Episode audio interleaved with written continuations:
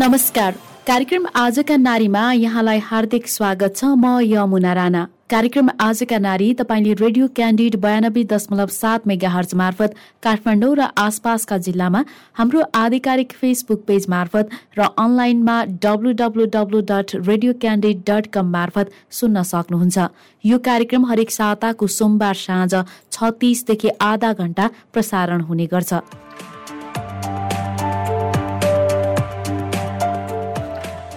श्रोता कार्यक्रम आजका नारीमा हामी महिलाहरूको समग्र पक्षमा विभिन्न व्यक्तिहरूसँग कुराकानी गर्दै आइरहेका छौँ। कार्यक्रम आजका नारीको यो श्रृङ्खलामा भने हामी सामाजिक सञ्जाल मार्फत सार्वजनिक भएको बलात्कार घटनाबारे विभिन्न सामग्री राख्दैछौँ।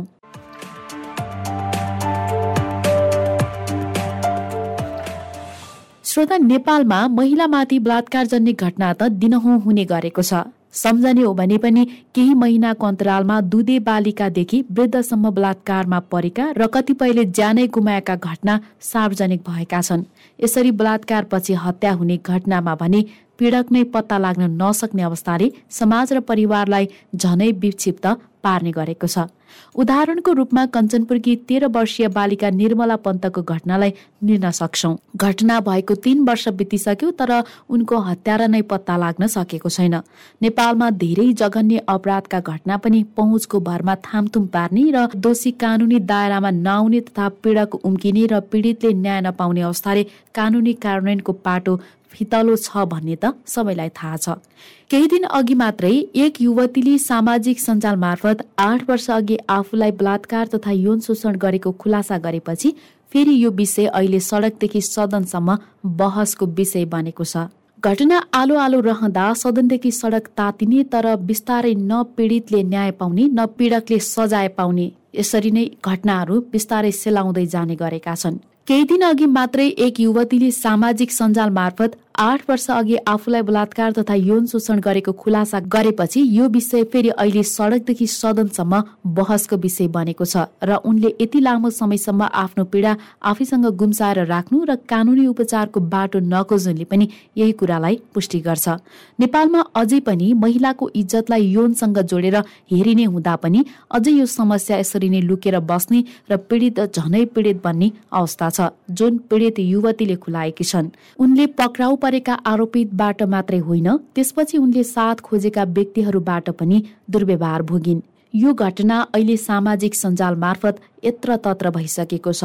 घटनाको सत्य तथ्य छानबिन गरी पीडकलाई कारवाहीको माग गरी काठमाडौँ सहित देशभरका विभिन्न सहरमा प्रदर्शन भइरहेका छन्। संसदमा समेत सांसदहरूले कुरा उठाएपछि सभामुख अग्नि सापकोटाले घटनाको अनुसन्धान गर्न सरकारलाई निर्देशन दिएका थिए। त्यसपछि प्रहरीले पीडित युवतीलाई भेटी घटनाबारे बुझेपछि बलात्कार आरोपितलाई पक्राउ गरेको हो। प्रहरीले उनलाई शुक्रबार नै पक्राउ गरेको छ। उनी विरुद्ध सोमबार दुई मुद्दा दायर भएका छन्। जिल्ला अदालत काठमाडौँले बलात्कार आरोपमा पक्राउ परेका उनलाई पाँच दिन हिरासतमा राखेर अनुसन्धान गर्न प्रहरीलाई अनुमति दिएको छ। तर आठ वर्ष अघिको घटना भएको हुँदा मुद्दा कसरी अगाडि बढ्छ भन्ने बारे चासोको विषय बनेको छ। यसै सम्बन्धी तारपारीको एक सामग्री। सामाजिक सञ्जाल टिकटक मार्फत सार्वजनिक भएको आठ वर्ष अघि भएको भनिएको बलात्कार घटनाका दोषीलाई प्रहरीले पक्राउ गरेको छ। तर नेपालमा जबरजस्ती करणीको घटनामा उजुरी गर्ने हदम्यादका कारण दोषीलाई कानुनी कारवाहीका लागि कानुनी समस्या देखिएको छ। घटना सामाजिक सञ्जाल मार्फत नै सार्वजनिक भएको हुँदा यसले सबैको ध्यान तानेको छ। पीडितको पक्षमा सामाजिक सञ्जालमा हौसला दिनुको साथै सडकमा समेत प्रदर्शन भइरहेको छ। बलात्कार आरोपमा पक्राउ परेका मनोज पाण्डे विरुद्ध दुई फरक आरोपमा मुद्दा दर्ता भएको छ। पाण्डेमाथि मानव बेचबिखन र यौन दुर्व्यवहारको आरोपमा जिल्ला अदालतमा मुद्दा दर्ता गरिएको काठमाडौँ महानगरीय प्रहरी परिसर काठमाडौँका प्रमुख एसएसपी सुदीप गिरीले जानकारी दिनुभयो। भइसक्यो मुद्दा दर्ता भइसकेको छ र त्यसको अनुसन्धान प्रक्रिया पकाउ परेको मनोज कुमार जेसी गर्ने मनोज कुमार पाण्डेलाई अब अदालतको अनुमति लिएर थानामा राख्नु परिरहेको राख्नुपर्ने हुनाले हामीले दुईटा मुद्दा दर्ता भएको छ अहिलेसम्म मानव बेचबिखन त्यसपछि यो दुर्व्यवहारको दुईटा मुद्दा दुई फरक फरक चाहिँ भिक्टिमहरू हुनुहुन्छ। र दुईटा लिएर गएर हामी बयान लगायत अन्य सम्पूर्ण कुराहरू जुन प्रारम्भिक गर्नुपर्ने अनुसन्धान प्रक्रिया कुराहरू हामी सरकारी चाहिँ वकिल मार्फत चाहिँ अदालत हामी गएको छौँ अदालतले अब कति दिन हिरासतमा राखेर अनुमति दिन्छ त्यो अब हामी हेर्दैछौँ। आठ वर्ष अघि मिस ग्लोबल इन्टरनेसनलमा भाग लिएकी एक युवतीले आफूमाथि पाण्डेले पटक पटक बलात्कार गरेको आरोप लगाउँदै सामाजिक सञ्जालमा भिडियो सार्वजनिक गरेकी थिइन्। यो घटना सार्वजनिक भएपछि अर्की एक किशोरीले पनि पाण्डेले आफूमाथि पनि बलात्कार प्रयास गरेको भन्दै जाहेरी प्रहरीमा दिएकी छन्।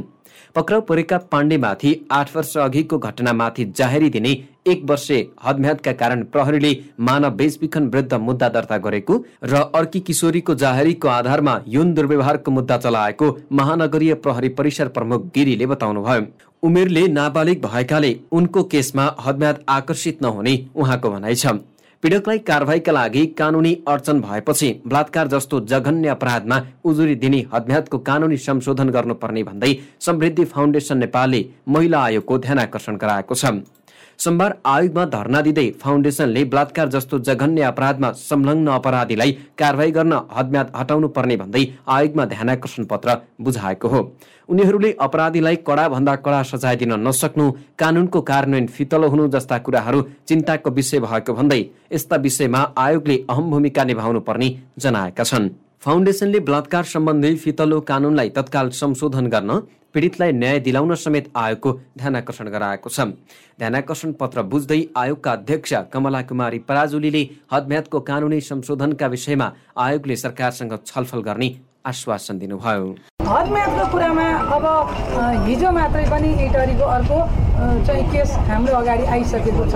यो कुराहरू हाम्रो अगाडि आउने यी कुराहरू भनेका त एकदम सिम्बोलिक कुराहरू तर अघि नै हाम्रो मान्यज्यूले भन्नुभयो कि हामी मेचीदेखि महाकालीसम्म हिमाल पहाड तराई जाँदाखेरि लगभग पचहत्तरदेखि अस्सी प्रतिशत यौन हिंसाका घटनाहरू आफ्नै घर परिवारभित्रका एकदमै नजिकका संरक्षक र आफन्तबाट भएको छ जसले यो हदम्याद पनि थाहा हुँदैन केही पनि थाहा हुँदैन। त्यसैले हदम्यादका कुरालाई पनि हामी अब डिस्कोर्समा गइ नै सको। अधिकार कर्मी साथीहरू अनि त्यस पछाडि कानुन विज्ञहरूसँग बसेर सुरक्षा निकाय सरकारको प्रतिनिधिसँग बसेर अब यो कुरालाई कसरी अगाडि बढाउने कुन लेभलले जाने के के कुराहरूका रिजर्भेसन छन् भनेर हामी कन्सल्टेसन गरेर यो कुराको रेकमेन्डेसन गरेर यो कुरा हामी अगाडि लान्छौँ।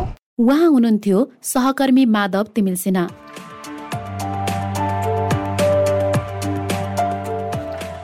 महिलामाथि हुने बलात्कार लगायत जघन्य अपराधका घटनामा हदम्यादका कारण दोषी उम्किने अवस्था भएपछि अहिले यस्ता घटनामा उजुरी गर्ने हदम्याद हटाउनु पर्ने माग अधिकार कर्मी मात्रै होइन संसदमा पनि उठेको छ। यसै सम्बन्धी एक अर्को सामग्री। महिला सांसदहरूले नाबालिकाहरूमाथि हुने बलात्कार लगायतका जघन्य अपराधका घटनामा हदम्याद लगाउने कानुनी व्यवस्था तत्काल हटाउन सरकारसँग माग गरेका छन्। सौन्दर्य प्रतियोगितामा भाग लिएपछि आयोजकले आठ वर्ष अघि बलात्कार गरेको घटना सामाजिक सञ्जाल मार्फत सार्वजनिक गरेकी युवतीको विषयलाई लिएर प्रतिनिधि सभा अन्तर्गतको महिला तथा सामाजिक समितिमा यस्तो व्यवस्था हटाउन माग गरिएको हो।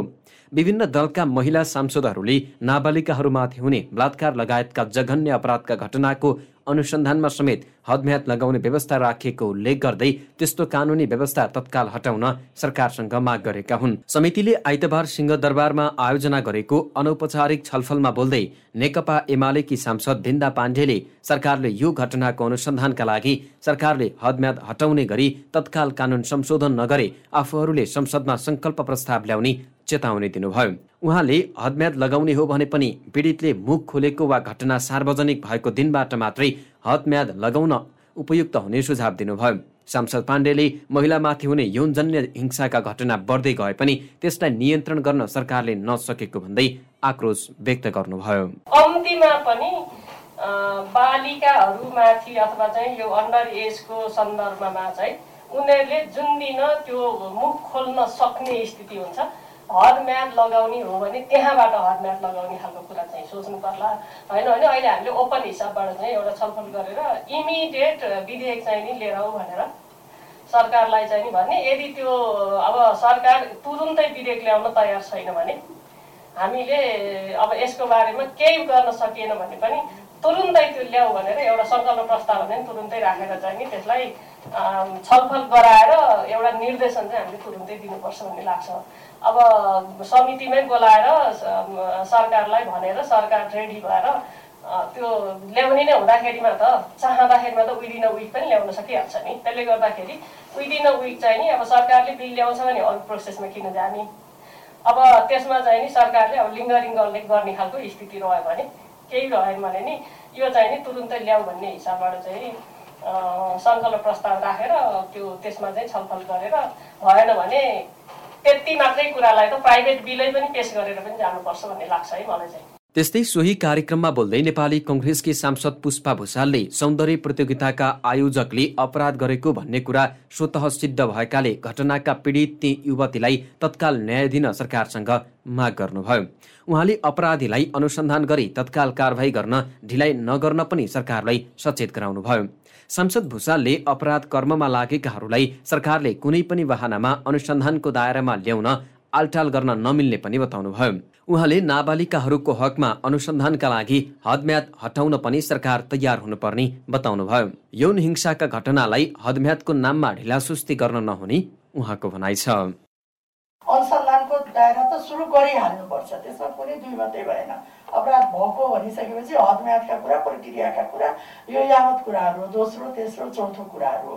भएर अपराधको अहिलेको घटनाक्रम वा हिजोका घटनाक्रमहरू देख्दाखेरि प्रायः फेसिया पहिल्यै छ दृष्टिमा त अपराध हो भन्ने कुरा देखिसकेपछि त्यसलाई हदम्याद कानुन यताउता यो वा त्यो बाहनामा त्यसलाई रोक्न पाइएन अनुसन्धानको दायरामा अगाडि बढाइहाल्नु पऱ्यो पक्राउ गरिहाल्नु पऱ्यो भन्ने कुराहरू हामीले बोलि नै राखेका छौँ। त्यो अनुसार अगाडि बढी बढ्न पनि थालेको छ। अब रह्यो दोस्रो चरणको।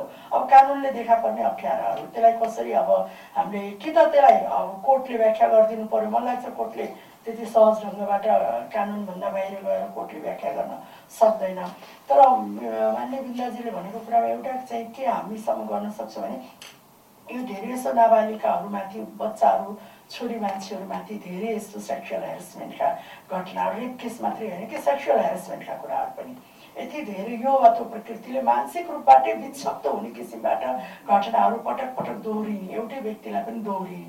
किसिमका पनि घटनाहरू भएछन्। जसले गर्दा उसको मानसिक रूपमा शारीरिक रूपमा त ऊ छँदैछ मानसिक रूपबाट पनि विक्षप्तको अवस्था उसको रहेको हुनाले ऊ आफू स्थिरै रहन नसक्ने। कसैलाई भन्न पनि नसक्ने तर आफ्नो पनि लाइफ उसको भनौँ उसको एउटा अधिकारको कुरा पनि भयो होइन। उसको अब अरू अधिकारका कुराहरू पनि भयो।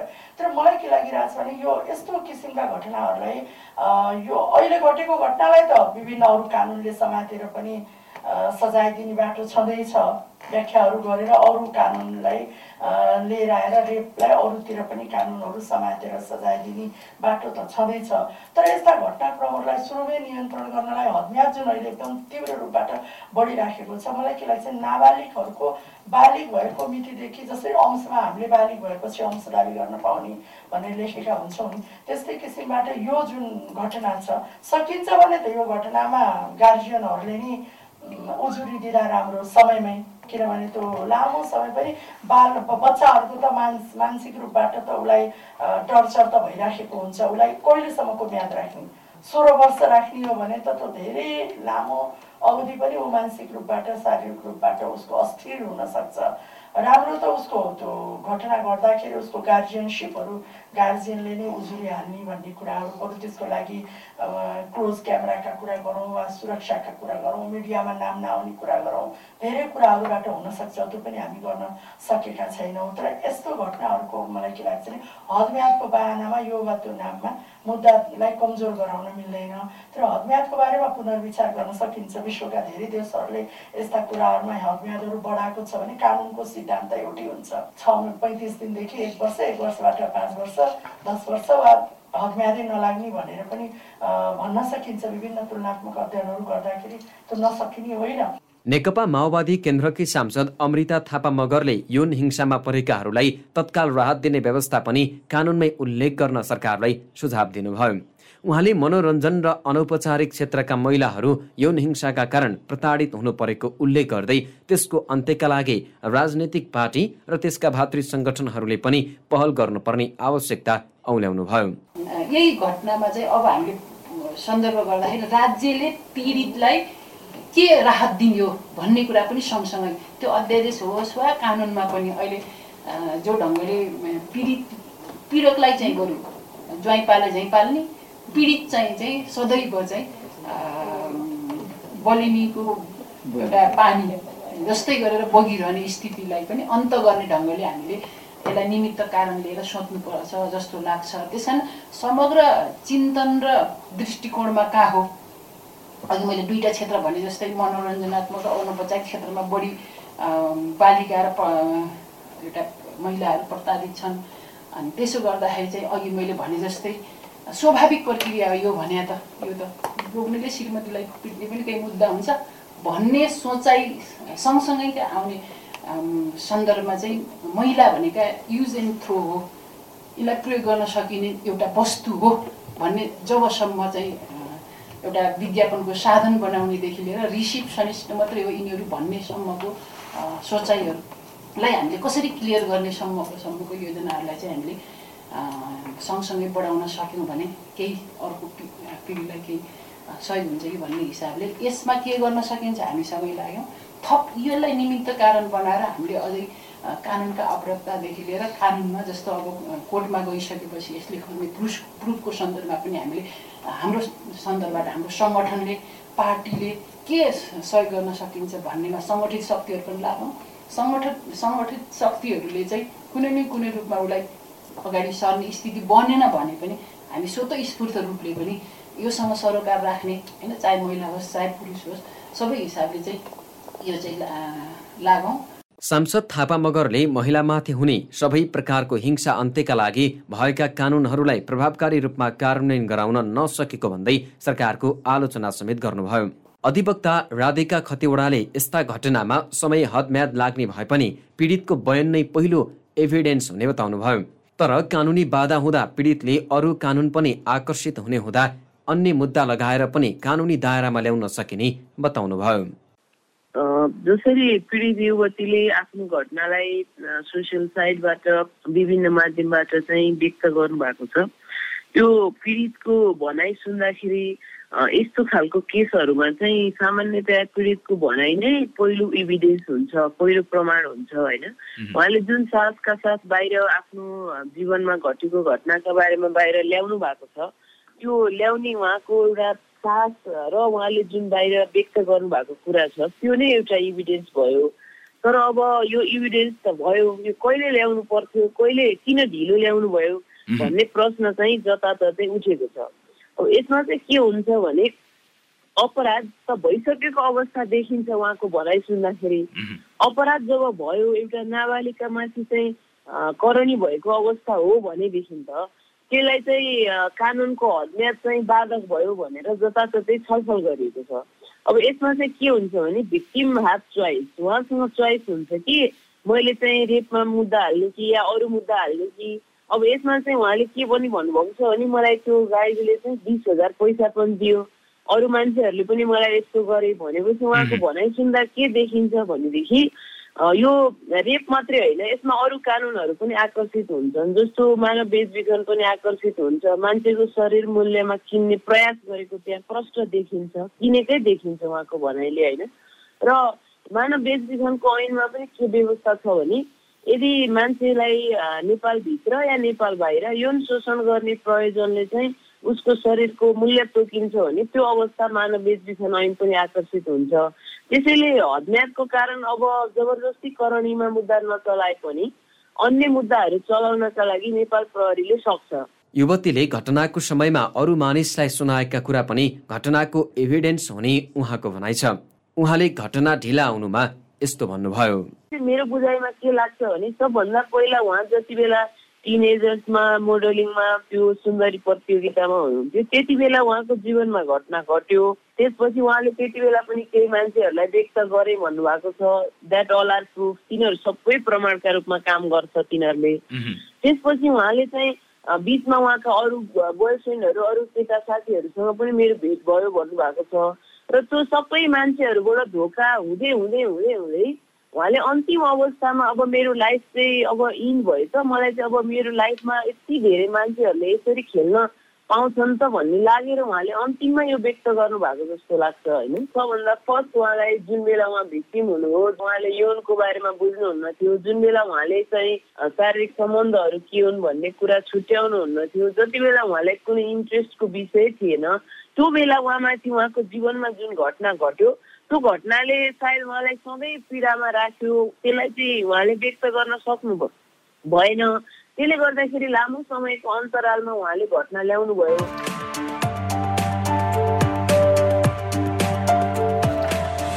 श्रोता यस्ता जघन्य अपराधका घटना हुँदा पनि प्रहरी भने त्यति संयम देखिन सो घटना युवतीले बुधबार राति नै सार्वजनिक गरेको भए पनि प्रहरीले शुक्रबार मात्रै युवतीलाई भेटेर आरोपितलाई पक्राउ गर्यो। त्यो पनि सडकदेखि संसदसम्म पीडितको पक्षमा प्रदर्शन भएपछि प्रहरीले घटनाबारे बुझ्न सुरु गरेको हो। तर ढिलै भए पनि घटना कानुनी रूपमा अगाडि बढेको छ। त्यसैले आफूमाथि भएका हिंसा सहेर नबस्नुहोस्। थोरै तपाईँले हिम्मत जुटाए र तपाईँ सही भए पक्कै पनि साथ सहयोग र न्यायका लागि आशा गरौं।